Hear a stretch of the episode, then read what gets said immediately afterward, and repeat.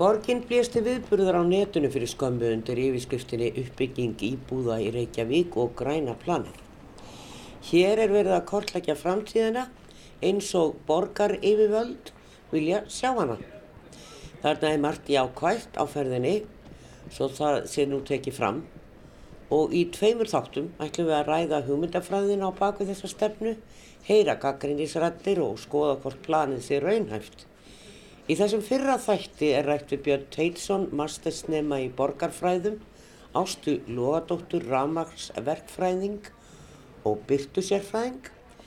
En byrjum hjá borgarstjóra, Degi B. Eggert sinni og heyrum nánar af þessari áallun.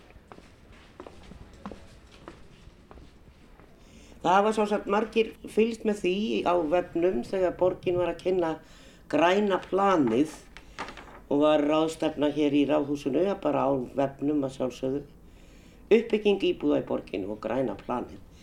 Og uh, þarna töluðu ímsir og borgarstjóri meðal annars og kynntu fyrir okkur plön um uppbyggingu húsnæðins í borginni fram til 2040. Við erum aðalskipilag til 2030 og nú er verið að auka við það til 2040. Þetta er rosalega uppbygging sem er plönuð En það eru margir sem setja spurningamerki við svim svæðin því að uh, kannski sjá ekki margir fyrir sér að flugveldurum verði farin árið 2040. Hann er búin að vera byggbein í langan, langan, langan tíma og þó svo að fólk segja að þetta fer hann einhver tíman en uh, það er spurning hvort hann verði farin 2040. Og síðan er það ártúni sem var ákvæmlega spennandi kynning á uppbyggingu þar og nýju skipulagi þar sem hefur verið að breyta því stóra svæði í íbúðahúsnæði og smá saman fara þessi fyrirtæki sem þar eru að það verði jafnvel búið eftir 20 ár já hvað veit maður við erum komið til borgastöra já það eru svona stóra spurningar eins og fljóðvöldurinn og annað sem að mm. þetta er rosalega metnaðfyllt plan mm -hmm. Takk fyrir það fjöldin allir af íbúðum og það er náttúrulega búið að vera að byggja alveg gríðarlega mikið og mm. maður eru oft undrast að hér fyrir hrun að eh, allir þeir peningar sem voru þá í gangi, akkur var ekki neitt byggt í Reykjavík. Það var byggt í Kópói og Garðabæi mm. og Hafnafyrði, Mósesbænum, það var ekkert byggt í Reykjavík. Já, nú kannski ofdjúft í hann að tekja að segja að það hafi ekkert verið byggt, en það er alveg rétt að ef við skoðum tímabili alveg frá 1960 til eh, 2010 að þá var að jafnaði meira byggt í kringum Reykjavík heldur en í Reykjavík sjálfri. Uh, og ef við skoðum uh, síðast þegar fjölgað á höfuborgarsvæðinum 70.000 manns sem var frá 1985 til 2013 að þá fólst uppbyggingin í útþenslu höfuborgarsvæðisins uh, sem að hluta til fór á framvísul á milli þessara sveitafélagi hér í kring en svona meginlínan var að byggðin var að dreifast meira og, og það er þessa krossgötur sem við stöndum á núna eða öllu heldur stóðum á fyrir svona fimm árum þegar þetta mesta uppbyggingarskeiði sögu borgarinnar hófst að núna síðustu árin þá sjáum við að í takt við nýtt aðarskipula borgarinnar og þau markmið sem við erum, höfum sett okkur þá er borgin bæði að þróast inn á við. Við sögðum yfir 90% og raunin hefur verið 95% og það hefur verið kraftmeri uppbygging. Eh, starri hluti af nýjum íbúðum á þessum síðustu árum sem hafa byggst hér á höfuborgarsæðinu hafa byggst í Reykjavík. Og við e, sjáum fyrir okkur þegar við erum að leggja línuna til næstu ára, næstu 10 ára en þetta líka næstu 20 ára að þá haldi þessi þróun áfram.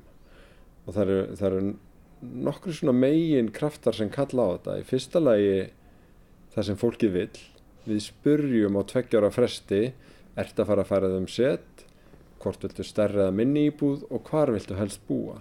Já. og við sjáum að ströymurinn liggur til Reykjavíkur til þessara þjættu svæða sem búa upp á lífsgæði sem þú finnur í borgum. Já, það er náttúrulega, ég held að sé nú flestir orðinni samhála því og svona bara í ljósið på lostarbreytinga mm við verðum að minka ferðarlegin millir vinnu og íbúðar. Umferðin hefur áhrif á okkur bæði lífsgæðin, loftgæðin og, og hljóðvistina en líka bara hvaða tíma við höfum með fjölskyldun og svo framvegis. Og, og það að vera með hérna, þétt og gott borgarumhverfi það stuðla líka því að það sé frekar þjónusta nálat fólki að þú þart ákveðin svona lámarsmassa til að standa undir kaupmannum og hotninu og þar fram undir gödunum þannig að þannig er bæði þar sem borgarbúira fólkið og höfuborgarsæðinu segir okkur. Þannig eru líka umhverfi sjónamið þannig eru líka hagkvæmni sjónamið og efnags sjónamið það er ódýrara að búa á stað þar sem þú þart kannski bara að reyka eitt bíl fyrir heimili heldur en að búa á stað þar sem þú þart að reyka tvo eða þrjá. Og þetta vegur alveg gríðalega þúnt Þa, það er ekki allir sem átt að sjá því að húsnæðisliðurinn er vissulega svona dýrasti kostnæðastafu meðal heimilis á Íslandi en samgöngukostnæðurinn er álíka, vegur álíka þúnt og matur. Og uh, hjá þeim sem að búa nálagt vinnustað eins og þú sagðir að þá er auðvildar að spara þetta. Og hjá þeim sem búa nálagt frábærum almenningssangungum þá er auðvildar að spara þetta. Þannig að það er í raun nýtt skýrt áhersluatrið sem við hefum kannski haft áður en ekki jafn skýrt og núna. Núna segjum við 80% allara nýra íbúða sem er að byggjast upp næstu 10 og 20 árin eiga að vera nálagt borgarlínu og frábærum afkastamiklum alminninsangongum. Mm. Þá erum við að hugsa um hag heimilana, hag umhverfisins og þessa heildar hagsmunni borgarinnar. Við sáum líka að eh, á þessum þjættingarsvæðum sem er verið að byggja, þetta eru mörg hverfi, þetta eru vókverfi, þetta eru hlýðarendi sem eru mjög stór hverfi bæðið. Mm. Það er búið að byggja heilmikið í kringum útashúsi og það er, alltaf er ekki einhverjir hundruður íbúða en já, nokkuð margar, já, nokkuð margar og, og tókst bara, bara mjög vel. Bara með að stort setjafélag? Já, tókst bara nokkuð vel. Húsin eru doldið kemlík en svo þegar maður horfið til dæmis á hlýðarendakörfi. Þar sem að það er svona frá hringbröðinni séð þegar maður fer þarna fram hjá ofta mörgu mm. sinnum þá er þetta afskaplega lokað einhvern veginn svona óaðlegand að horfa á þetta þetta er alveg svona múr það sést ekki inn í hverfið og maður þarf eiginlega að fara þetta til þess að upplifa að það eru hérna stórir yngarðar mm. og annað. En þetta eru svakalega háatbyggingar og það er það sem að kannski margir sem að eh, svona og við þurfum nú bara að fara hundra ára aftur í tíman Guðmundur Hannesson aldrei hærri en þrjár hæðir á Íslandi bara út á sólagangi. Þannig að allir fái sól. Og við erum náttúrulega í sólina bara hérna eiginlega í augunum nánast meiri hlutan af árinu. Það er ekki nema nokkri mánuðir það sem að sólinn fer aðeins upp fyrir og þetta eru 6, 7, 8 upp í 10 hæðir ekki á hlýðar enda reyndar Nei. en þar sem hæsti byggt í borginni já en það er algjör undatekning ein af, af nýmjölunum sem var í aðarskipuleginu sem við saðum til 2013 var einmitt háhísastefna að við sögðum að Reykjavík sé almennt ekki meir en 35 eða 46 hæðir og hitt væri algjör undantekning á velvöldum stöðum. Guðmundur Hannesson, ég veit ekki hvort áttaði á því að hann er einn helsta fyrirmynd mín, hann var á aldamóta kynnslóðinu, hann var læknir eins og ég en var algjör frumkvöldi því á Íslandi að draga fram að húsakostur og örugt húsnaði líka fyrir þá sem hafa minnst á milli handana er algjört grundvallar atriði ekki bara fyrir lífsafkomu og, og öryggi heldur hilbriði og þess vegna er, er ég svolítið stoltur af því að það er, það er mikla líðhilsu áherslur í skipulagi borgarinnar undanfærin ár og í aðalskipulaginu. Og, og við erum gungum lengur en aðrar þjóðir í að spá í skuggavarp og, og byrtu skilir því og svona.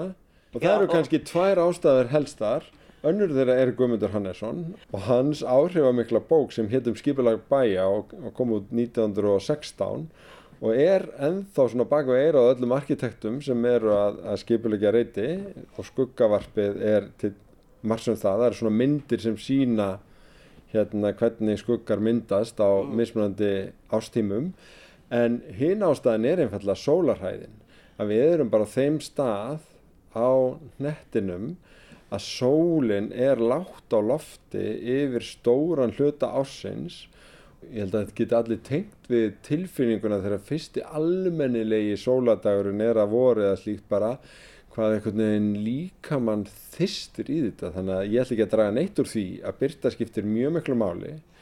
Eh, svo þurfum við kannski að balansera þetta á hverjum einu reit og mm. hverjum einu stað og finna lausnir þannig að við tryggjum fólki sem mest og best byrtu skilir því en líka bjartar íbúðir en líka aðgangað næsta græna svæði, næsta leiksvæði, inngarði og, og auk byrtu skilir þannig að þá hefur læknisfæðin verið að koma með mikla rannsóknir sem sína fram á tengsl sko þéttarbyggðar og það hvað líklugu til að hreyfa þig.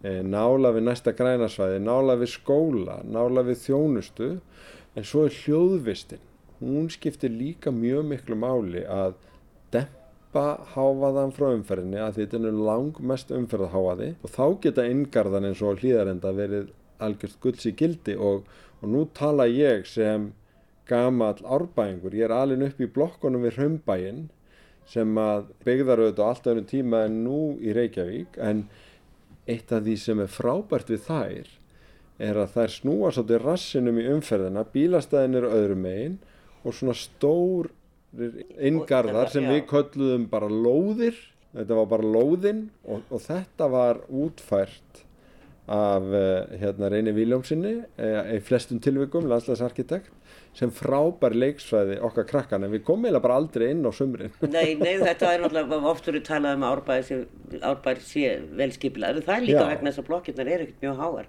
og þannig að sólinn kemst auðvitað niður Já. og það eru margir sem vilja meina svona gaggrínisrættir mm. í sambandi við hæð húsa mm. í þessum nýbyggingum að borgin hafi verið of eftirlátt við eh, verktakana og þau, mm -hmm. þeir framkvæmdar aðeila mm -hmm. að sjálfsögðu verður að borga sig að byggja mm -hmm. fyrir þá sem er að framkvæma það það getur ekki verið hugsað þannig að menn koma út með tap mm. en það er margir sem veltaði fyrir sér hva, hver er prósendan á hjá verktakanum að, að mhm. verður að vera í gróða eh, til þess að það borgi sig að fara í, í framkvæmdur Já Sko já, já, ég, ég er líka skammaður á hinni áttinni fyrir því að uh, borgin hafi orðið allt og mikla skoðanir á gæðum íbúðarhúsnæðis, hérna grænum svæðum, leiksvæðum, eh, hérna nálag þjónustu að það er verið þjónustu á jarðhæðum.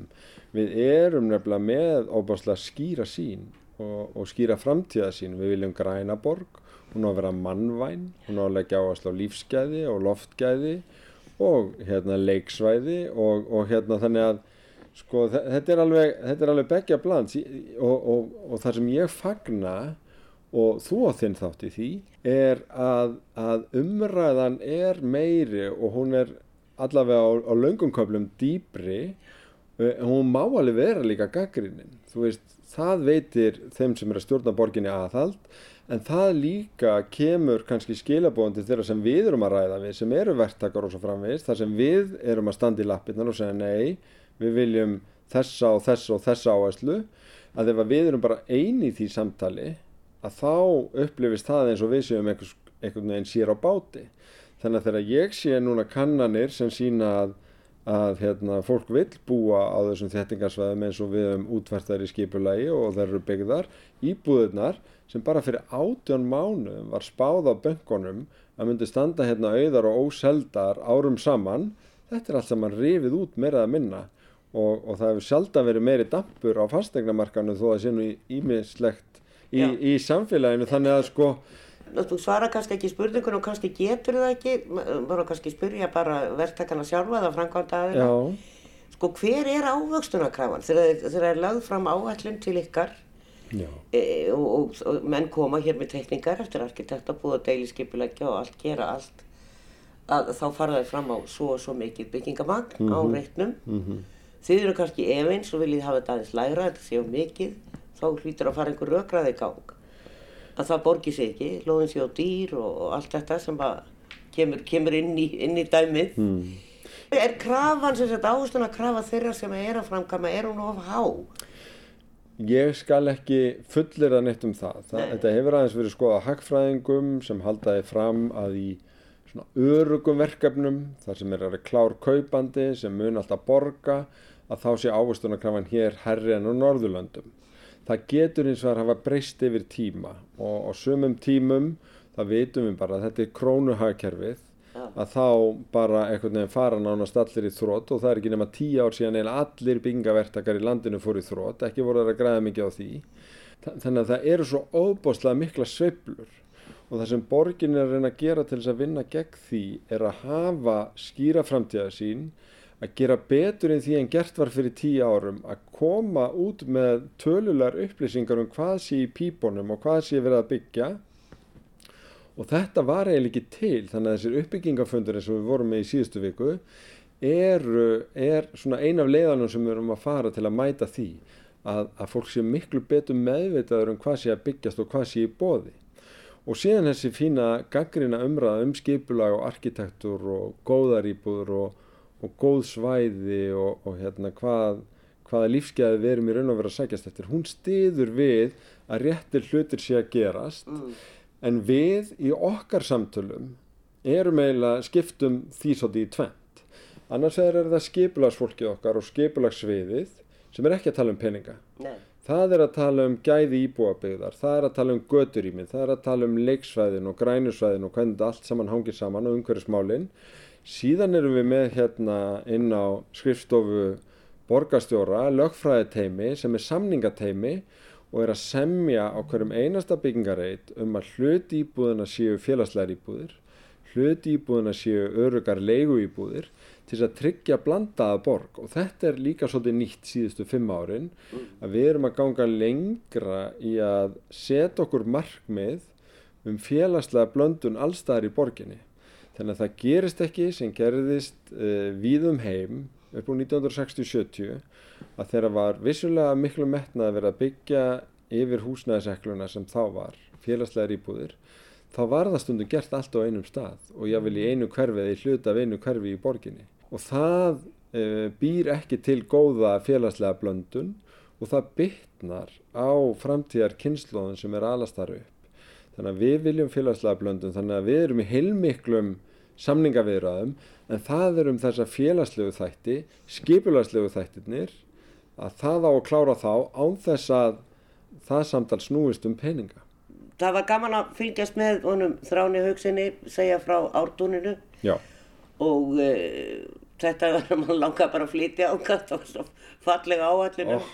Getur, getur ímyndað er sko þegar við verum farin að byggja, þetta er eitthvað, eitthvað fallegasta hamrabelti bara Já. landsins höfðinn það sem er búið að vera innfyrirtæki og alls konar steipistöðvar já, það er dásanlegt útsýnið þarna en þarna erum við líka með ellið ávogin og ellið átnar og alla þessa náttúrufegurð og, og bara vogin sjálfan og að ganga eða hjóla þarna í þessu svona blandaða umhverfi með mátulega háum húsum að því vorum að ræða það fara þarna út og aftan á fyllingunni og fara þar í nýju sundlöginna sem á að vera hann að bara kúra í sjáarmálinu eða upp á höfðan þar sem að borgarlínan á að stoppa og við verðum með krossmýratorkið sem verður eiginlega með svona nýjum hljómskólagarði ja. því að það á að vera svona grænt tork og, og svæði sem að hérna verður stolt þessa svæðis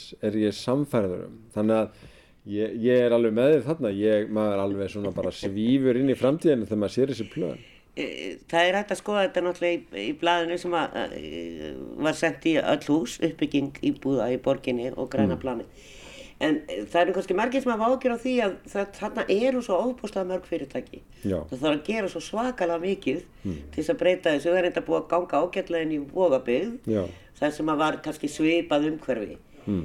Um, og það er búið að taka kannski fimm ár en, en ártúnið er miklu starra Hva, hva, það er starra þetta eru, getur orða alltaf 7500 íbúðir, Já. það er eitt ekki garðabær Já. þannig að starragráðan er mikil en, en það er líkil atrið aft að sjá að við höfum um bísna góð tök þarna eh, vegna þess að við höfum frá upphafi verið að vinna með líkil hagsmunaðalum á svæðinu.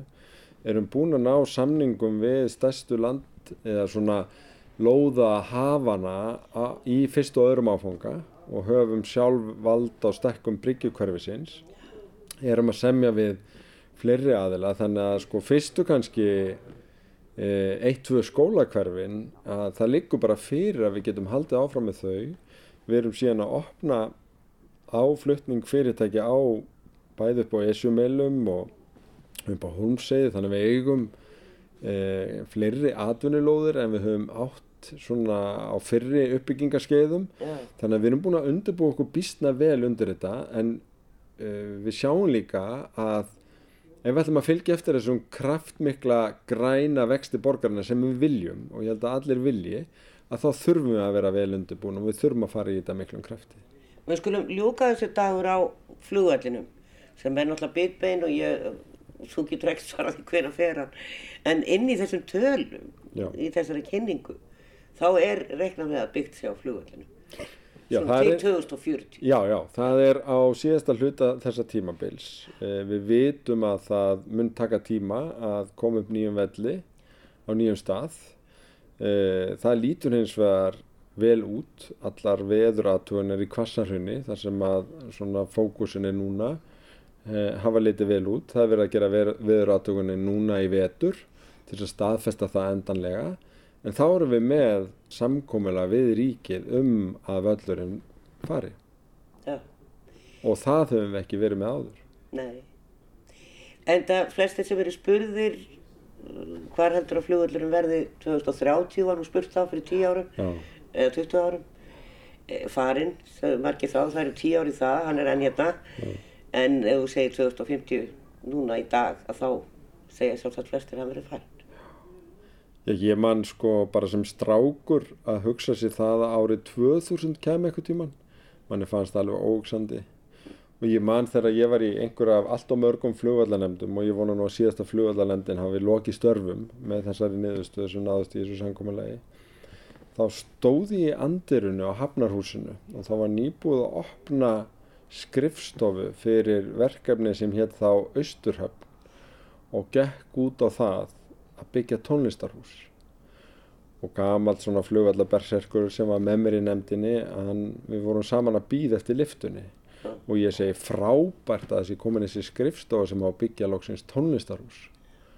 Og hann horfði svona á mig, ég ætla ekki að segja hvað þetta var horfði á mig með svona hálgeri fyrirlitning og sagði það verður aldrei og ég held að verði svolítið svipað með flugvöllin að, að hérna, einn daginn þá fer hann og þá munum við undra okkur á því hvernig við komumst af án svæðisins sem þarna er. Sagði Dagur B. Eggertsson borgarstjóri, já, flugvallurinn er ennþá framtíðamúsík. En hvað segir urbanistinn eða verðandi borgarfræðingur um planið? Hann tvítaði í vikunni vegna greinar sem byrtist í kjarnanum sem fjallaði um ímislegt tengt þjættingu byggðar. Aukna glæpatíðinni, hljóðmengun vegna umferðar og byrtuskilirði í íbúðum í þjættri og háreistri byggð. Við bregðum okkur upp í hlýðar. Já, við erum komið hér í skóarhlýðina til Krabbameinsfélagsins og ætlum að hitta þar mann sem er að læra borgarfræði, masterskráði í borgarfræðum í Þýskalandi en er alltaf stattur á Íslandi núna eins og flestir námsmenn sem eru í námi Erlendis, það er lítið farið. Hann er eh, upp, upplýsingafulltrúi hjá Krabbameinsfélaginu, þess vegna setjum við hér. Kannski ekki vinalegasti staðurinn í borginni, hér eru ekkert um að bílastæði þeim meginn sem Krabbameinsfélagið er en það eru auðvitað blokkir hérna hinum meginn og þetta er nú hverfið sem er komið vel til ára sinna, hlýðakverfið. Eskilíðin hérna við hliðin á okkur og En eh, við fundum hérna borð og stóla sem við getum sest á, erum búin að dilla okkur hér við svona hostel eða já, farfuglaheimili sem það var nú kallað upp á í gamla daga. Eh, Björn, þú náttúrulega svona gefur að skilja áhuga maður um borgarsamfélag og borgarlandslag og borgarlíf og þú svona kommenteraðir aðeins, á þessa grein sem að var í kjarnanum sem við erum svolítið að fjallum fyrir utan náttúrulega græna planið hjá borginni. Eh, það er, menn deila voða mikið um þessa þéttingu byggðar. Ennþá sem að eh, einhvern veginn finnst mér það gefa auga leið að við verðum að þétta þessa borg. Ertu ekki sammála því að hún er rosalega dreifð? Jú, jú, algjörlega. Ég er mjög hérna fylgjandi því og sannferður um að, að hérna, það er nóga landi sem er hérna hægt að nota til að þjætta byggðina og þá í rauninni til að já, stytta vegalindi fyrir fólk og búa til sjálfbærri hverfi sem er kannski það mikilvægasta og uh, kannski enn mikilvægara er að það er það umhverfisvænasta og grænasta sem við getum gert er að nýta svæðið innan borgarlandsins brjóta ekki nýtt land því þá þurfum við að byggja fleiri innviði, við þá við að hvetja til fleiri ferða, jafnvel á engabíl, sérstaklega ef við erum brjótið nýtt land sem er fyrir utan borgamörkin eins og við liggja núna. Um, og fyrir utan það þá er einfallega rosalega mikið af borgarlandi sem er uh, bara sóað, sem er ekki notað sem er annarkort í um, hluti af veghelgunarsvæði uh, stoppbröta uh, það er rosalega mikið svæði sem eru bílastæði sem eru aldrei í notkun og það eru yðnaðsvæði sem eru orðin úrrelt eða sinna ekki hlutverkir sinu lengur. Svona með fullri virðingu fyrir sögu þeirra yðnaðsvæði og hvað, hérna, og hvað hlutverki og, og gagd þau hafa gert á þér. Þannig að það er alveg að nóga að taka. Og þá er alltaf markmiðið til að tryggja aðgang fólks að grænu svæðinu sem, sem við þó höfum innan borgarinnar. Og þau eru mörg og þau eru stór og þau eru glæsileg. Eins og bara Elliðádalurinn eða Hljómskólagarðurinn eða Klambratún og, og þar framvistu götunum það er þá að ganga alls ekki á þessi svæði og tryggja það að fólk hafi aðgang á þeim en uh, þessi stað að, að hérna, nýta þessi svæði sem er runni ekki í nótkunni fyrir neitt. Segir Björn Teinsson, ég glemti að nefna nafni hans á hann, við skulum nú hafa viðmælandan með nafni hér. Uh, þú varst með í hópi sem var settur á laginnan á sín tíma sem hétt hægbreytileg átt og þú voru tekinn fyrir nokkuð hverfi í borginni og meðlan skeifan. Í þessu græna plani er ekkert minnst á skeifinu og það komið svolítið óvart. Skeifan er alveg tilvalinn staður að eh, byggja íbúð, þetta er centralt. Þarna er allt til alls í rauninni, þarna eru alla búðir og skólar nálægt og, en, en þarna eru náttúrulega bara svolítið mikið skemmur og bílastæði. Já, algjörlega. Ég hérna, þykist vita eitt á hana um skeifusvæði og, hérna, og möguleika þess og þá sérstaklega eins og segir hvaða er miðsvæðis. Okkar hugmynd í hægri breytilegri átt, þetta verkefni alltaf orðið nokkuð gamalt, við byrjum hvað 2013 ef ég mann rétt. Þá hérna var okkur hugmynd til dæmis að með því að virka skeifin og búa þar til blandaða byggð um, með ákveðinni verslun og þjónustu sérstaklega menningatengdir þjónustu, veitíkarstöðum og, og því um líkt að það var hægt að skapa í rauninni annan miðborgar kjarna sem geti keft við þá miðborg sem við höfum nú þegar og dreift álæginu um, okkur fannst rosalega spennandi. Kannski voru við líka þá mjög hérna innblásna hugmyndum um að hérna leiguverðar mikið hækka á þessum árum í miðborginni. Okkur fannst alltaf tímaspursmál þanga til ungt fólk og skapandi fólk sem er oftast í hefur oftast verið í miðborginna í Reykjavík að það segði bara stopp. Við myndi hérna leita, leita annara miða og þá fannst okkur skeifan til dæmis uh, mjög heppileg um, en eins og segir það er ekkert um þetta í grænarplaninu ég veit ekki betur en málið hafi strandað aldrei á flóknu, flóknu eignarhaldi fastegna og lóða í skefinni því miður eins og staðan er núna en þetta verkefni fór alveg nokkuð langt og við áttum þannig að marga fundi með umhverfis og skiplasáði og, og hérna vorum vongóð tímbili en, en hérna við verum bara sjá til það hafa allavega deilisskiplu að fara í undirbúning og. Það er aldrei að vita hvað gerast. Nei, það er, kannski, það er talað um ártúnsauðan í grænaplaninu og var mjög falleg kynning á því, þeim pælingum öllum. Miklu starra en skeifan en kannski svipa svæði en kannski erfiðari yðnaður þar inn á milli. En ég minnist nú aðeins að því ég sagði það í upphafi, þú hefur kommenterað aðeins á þessa grein sem að var í kjarnanum fyrir skömmu og þar sem að þrý sérfræðingar setjast niður og þau voru svona meðal annars að reyfa það að það væri skapaði meiri hættu á glæpum í, í þjættum byggðum heldur en að, að dreifa byggðinni. Þú varst að andmæla þessu. Já, ég, þau hérna nótu tilvetnin í grein eftir um, Salfrænga ég held sem er frá 1984. Þannig að ansið gamalt. Já, það er aldrei gamalt og hérna en hérna er rauninni skoðun sem getur svo sem alveg fært rauk fyrir en er bara raung og það er að í þjættri byggð er hérna er þrývast glæpir frekar. Ég hef bara benda á það það er rauninni engin fylgni þar á milli hvað sem er hér eða erlendist þá eru aðri þættir sem er rauninni búa til aðstar þar sem glæpir geta um, verið nöðsleir fyrir fólk til að halda lífi eða, eða hvernig svo sem maður vil útskýra uh, glæparneið fólks. Það er yfirlegt uh, félagslegar, efnarslegar aðstæður sem neyða fólk til að stunda glæpi. Já. Í bandaríkunum eru glæpa höfuborgir ákveðat núna er til dæmis uh, St. Louis og uh, Detroit, Baltimore, þetta eru allt mjög gissnar borgir. Glæpir eru yfirleitt í þeim hverjum sem eru þá algjörlega einangraðir frá atvinnutækifærum, frá almenningssamgöngum, oftar en ekki einangraðir með stoppbrautum bifriða. Þannig að hérna, aðgengi að í rauninni hverfum eða bæjum, bæjarfélögum, bandaríkjum er oft þannig að stór fyrirtæki fara út fyrir í rauninni borgarmörkin sjálf til að njóta einhvers konar fríðinda sem eru sett upp fyrir þau og þá eru rauninni störfin bara á færi þeirra sem geta ekið í þessi bæjarfélag.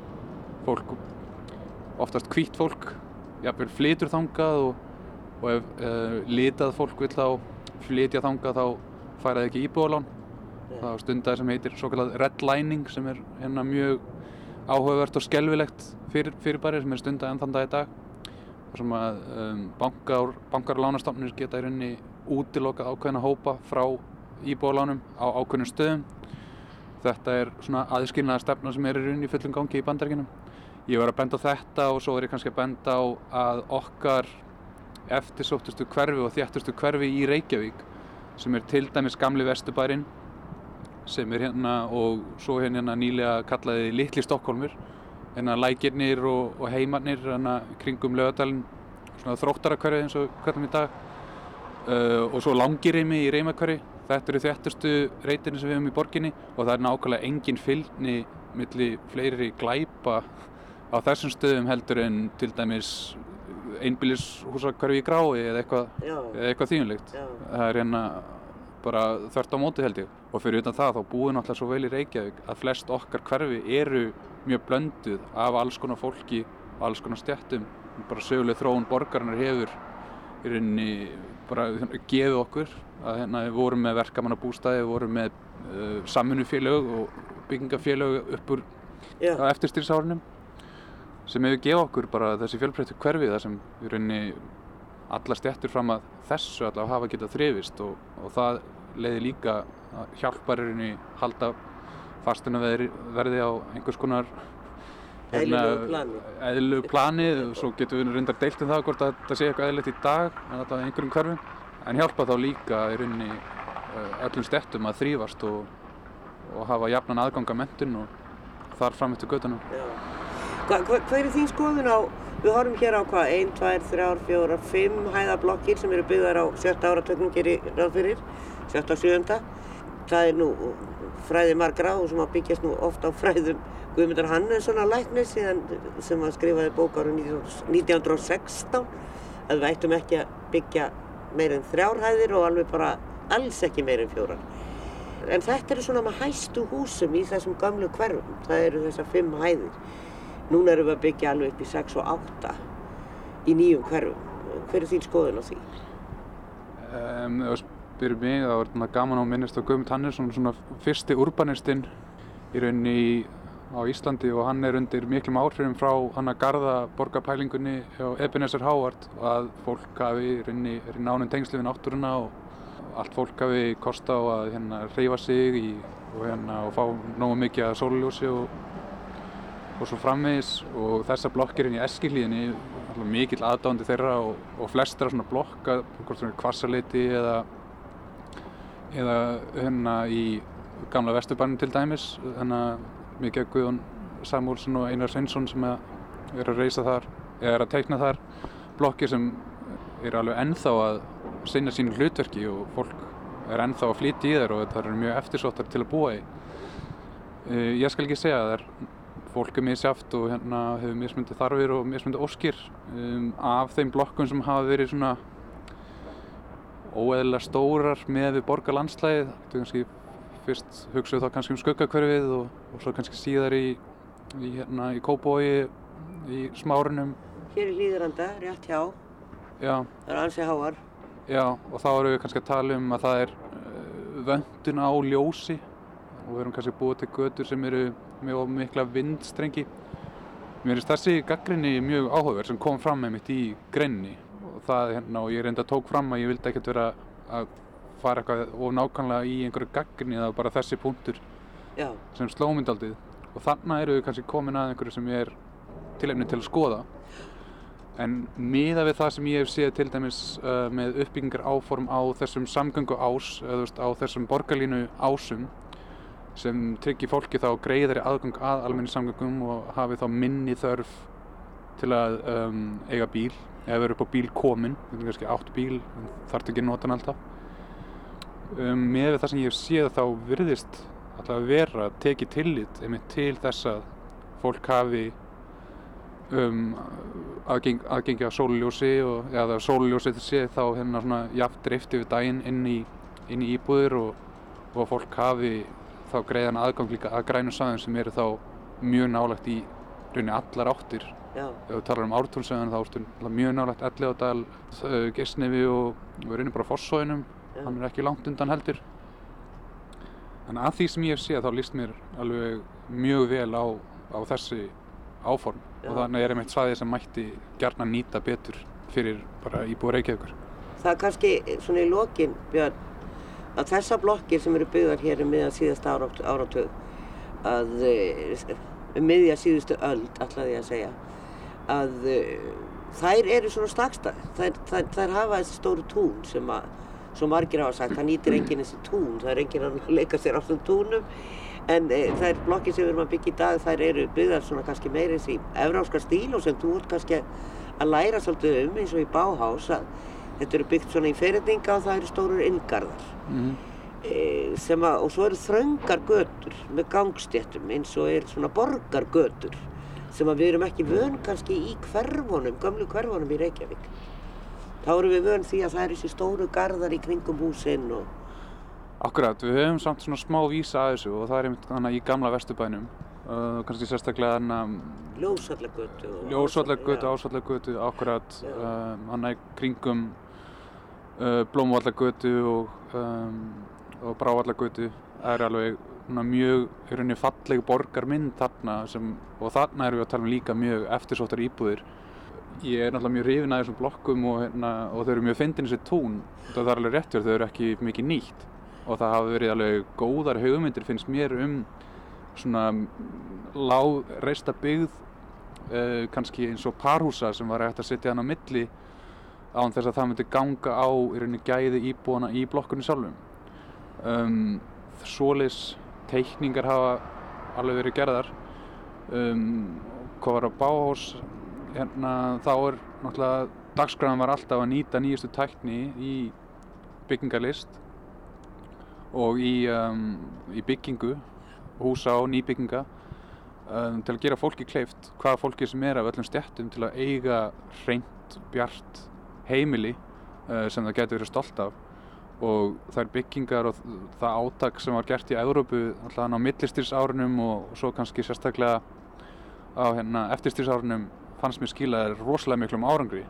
En það sem kannski spilti fyrir var uh, sömulegis áhersla á um, þetta nútíma tæki sem bílinn var. Svo hugsa maður með sjálfur sér að það hlýtur vera hægt að finna einhvern milliveg þarna og tryggja þessi gæði.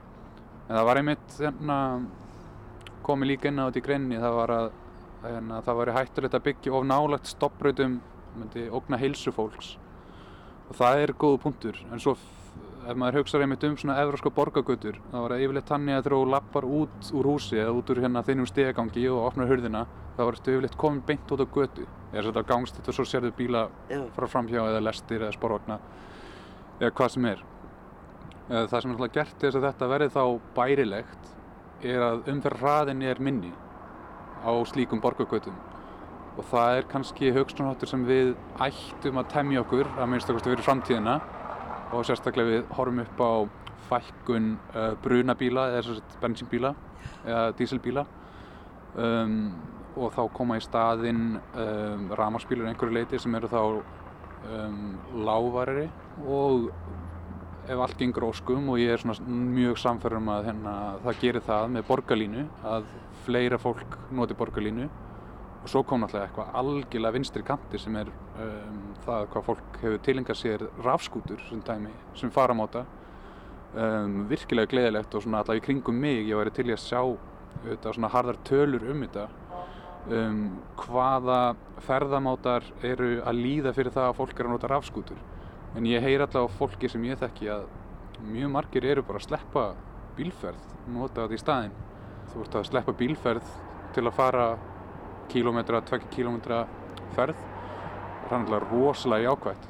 En já, það sem ég ætla að segja, þá ef við kannski að temja okkur þann hugsunar átt, ef við ætlum að byggja náttúrulega stoppröytum, að þá ætti frekar sko bílanir eða mengunin ætti að víkja fyrir byggðinni, frekar en að byggðin ætti að þurfa að fara eitthvað annað, eða skilur þið? já ég skil. Láta byggðina fólkið hafa forgang. Algjörlega. Bílana að það er svona vera megin reglan bara alltaf, að fólk er mikilvægar en bílar. Sagði Björn Teitsson, mastersnemi í borgarfræðum. Í margnefndri grein sem að byrtist í kjarnanum sem Ásta Lóadóttir Ramarsverkfræðingur, Lárus H. Guðmundsson, dósent við Háskóla Íslands og Ólafur Hjálmarsson, verkfræðingur hjá Trivium ráðgjöf, rituðu og hlustendir ættu að geta fundið enn á netinu, er bent á ímislegt sem betur mætti fara í skipilagsmálum hér í borginni. Við ætlum næst að heilsa upp á Ástu Lóðadóttur, Ramags verkfræðing og byrtu sérfræðing, en dagsbyrta í húsnæði og á götum er líklega eitthvað sem við mættum huga betur að í uppbyggingu borgarinnar. Já, grænaplanið er svo sannarlega metnaðafullt en það eru margir sem setja spurningamerki hvort að það sé raunhæft. Og svo er kannski annað sem að er einhvern veginn maður fær aldrei svar við, það er þetta blessaða skuggavarp og þetta er nú það sem að fólk tala mest um. Þegar maður fer þér í bæ og fer þér á hafnartorkið og það er ekki mikil sólvar, það er bara staðrind, þetta er alltaf há hús. Samt er alltaf verið að tala um Guðmund Hannesson Lækni sem að gerði svona fyrsta, fyrst, fyrsta rítið um skipil á bæja árið 1916, þrjár fjórar hæðir og alls ekki meira en fjórar.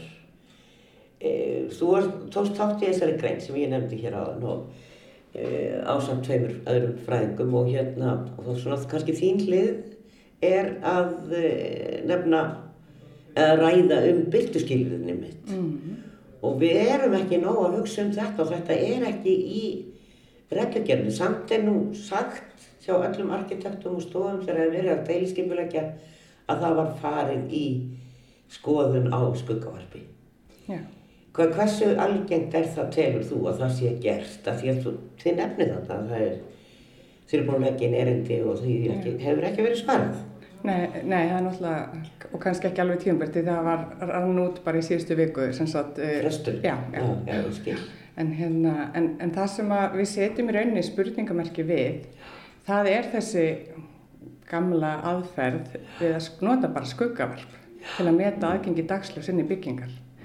Af því að þetta er sem sagt komið til frá mínum heimi þar sem við skoðum sko í rauninni dagsljós inn í byggingum. Þá erum við að skoða ekki bara þegar að sólinn er hæst á lofti og, og þeim hluta ársins þar sem að er bara bestu skilirðin, heldur við hugsum um, um, um allan ársins ring og í rauninni erum að bara skoða hva, hversu mikið dagsljós kemst inn um gluggan Já. og inn í sjálfa íbúðina eða, eða atvinnustarfsemina sem að er Hvað sem er. Já, þetta er, þetta er alveg jafn áriðandi þegar út í vinnunni eins og heima hjá þér. Nákvæmlega. Eh, Og þá eru neðstu hæðnar. Já, þær eru yfirleitt mest útsettar, eins og Já. við segjum, og, hérna, og þar að leiðindir er í rauninni sko aðferðir sem að koma fram í byggingarreglugjörðum erlendis, þær er að tryggja að komi dagsljós inn um þessa glugga. Um, okkar byggingarreglugjörð er ekki góð, hún tekur ekki á þessu. Hún er með kröfur um, um ákveð prósent af gleri með við golflöt og svo ef þú byggir háa eða, eða, bara háa byggingu beint fyrir utan gluggan, þá kemst ekki dagsljósið, það er inn sko. Þannig að það, það, þess vegna fór ég og á samt fleirum að skoða skipulag af því að það er í rauninni það sem að aftrar aðgengi dagsljósins inn í byggingarnar. Og þessi aðferð að nota skuggavarp á, ja, um jafndægur og á sumalsólstöðum og, og, og, sagt, og það er yfirleitt skoðað þá frá modni og fram að svona, já, setnipart vinnudags akkurat þegar við erum í vinnunni. Og hérna og, og svo er tjekka hvort það sé já, hérna þegar sólinn er til staðar hvort að hún nái þá að fasuðunni eða hvernig sem það er. Og þetta bara setjum bara stórt spurningamerki við hvort að þessi aðferð hvort að okkur finnist það bara fullnæðingiti hérna á Íslandi af því að ö, önnur lönd eru ekki nota bara þessa aðferð Hvað, hvað eru þau að gera? Því að manni finnst einhvern veginn, þú getur ekki mælt að vera með þess að opastöfu breytingum, Já. bjarta sumanættur og kolnaða myrkur um jól. Já, Sko, við, við, komum alltaf til með að lifa við það. Já nákvæmlega.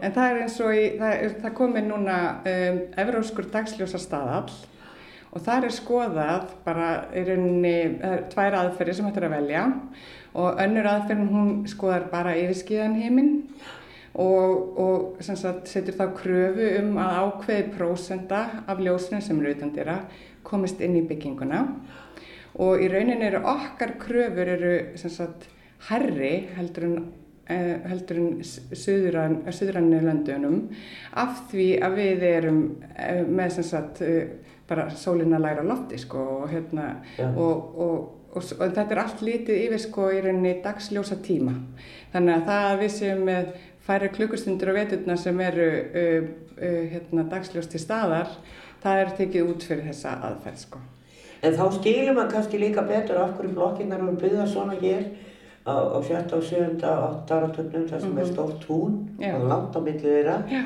Að þá ertu nú að gæta þess að fólk fóði dagspyrtu. Já, nákvæmlega. Og svo er hinn aðferðin sko, sem er í rauninni uh, svona að reyðja þessi rúms í Evrópu og öðrum löndum líka í heiminum og Ameríka er mjög framalega þar. Þá er verið að taka sko meðaltal af veðurfari síðustu tíu ára á viðkomandi stað og svo er þessar aðferðir sem sagt það er skoðað þá í hvað átt byggingin snýr, hvað hún er nákvæmlega stödd á jarðnutinni og, og, og þá skoðað nákvæmlega út frá umhverfinu hversu mikið dagsljós kemst inn í bygginguna. Og, og þetta er í rauninni aðferð sem að e, er mælt með að arkitektar séu að nota þegar þeir eru að uh, hanna bygginguna á svona frumstíi til þess að í rauninni finna hvernig var að nýta rýmin inn í byggingunni best. Þannig að þau rými sem við erum lengst til staðar í, þau rými séu með mest og bestu dagsljósi sko. En er þetta raunhæft? Að, sko, nú erum við að byggja og þá bráðvantar íbúðir og getum við mælt þetta og byggt samt ja, miklu metnaði og, og, og, og hraða Já, eins og við erum nú að reyna að gera, má kannski segja það, borgar yfirvöld er að reyna að gera. Mhm. Eh, og svo náttúrulega ímislegt við þetta aðtöða eins og ég sagði, en er þetta raunhæft að færa svona mælingar? Og hvað varum við þá að tala um? Eins og þetta- tökum bara eitt hverfi eins og hlýðarenda hverfi sem er að rísa. Og það er frekar hátt, já, þröngagötur, en stórir inngarðar. já. Það sem að myndi vera gert í svoleiðis tilfelli ef að maður ákveður að nota svona aðferð til þess að meta aðgengi dagsljósins inn í íbúðnar, þá er svona hagkvæmast aðferðin er að velja bara uh, þær íbúðir sem að koma vest út, maður, er, maður fljót, fljótur að sjá það þegar maður horfir á planið. Og þá er þetta að skoða bara, taka eitt dæmi fyrir slíka íbúð og reikna með þessum þekktu aðferðum og sjá bara í rauninni hvort að við náum þessum lámarks uh, viðmiðum sem hafa verið að nota í, í Evrópu og ef ekki hversu langt frá við erum sko. Þannig að þetta þarf ekkert að vera, við þurfum ekki að reikna okkur alveg til dauða, sko. Við getum bara valið og skoða þarna erfiðustu dæmin, já, bara hvort við náum þessum lámarskildum, sko. Ég skil. En þetta verða náttúrulega alltaf mismunandi gæði. Ef þú býrð upp á sjöttu hæð, Já, þá ert að fá meiri byrtu heldur en þú á fyrstu hæð. já, E, til dæmis þarna var breytt áherslum því að þarna átt að vera þjónusturými í- á neðstu hæðum en þau eru orðin svo rosalega mörg í borginni sem að fyllast ekki því að við erum bara svo fá já, og þessu var breytt í íbúðir. já, Þannig að það mætti þá kannski reikna með að það, þessar íbúðir væri ódýrar alveg eins og kjallarauðbúðir eru ódýrar eins og yfirleitt. já. Það mætti gefa sér það. Já. Og, og sérstaklega líka hérna þessar svalir sem erum svo mikið að, að setja hérna á byggingarnar okkar inn á Íslandi. Það taka rosalega mikið af, af dagsljósinu. Þannig að, og sérstaklega þá ef við ert á, neðstu hæð og með svalir beint fyrir ofan glugga, þá, þá ertu svolítið illa settur varandi dagsljós. En er þetta laga þetta með því að svalegna væru indregnir? Já, já, betur? já, það er hægt að nefnilega útfæra þetta svo skemmtilega hátt, þannig að þetta bara setur í rauninni svolítið kröfu á að, að, að nota fermetrana á einhvern annan hátt heldur en uh, við höfum verið að gera Já.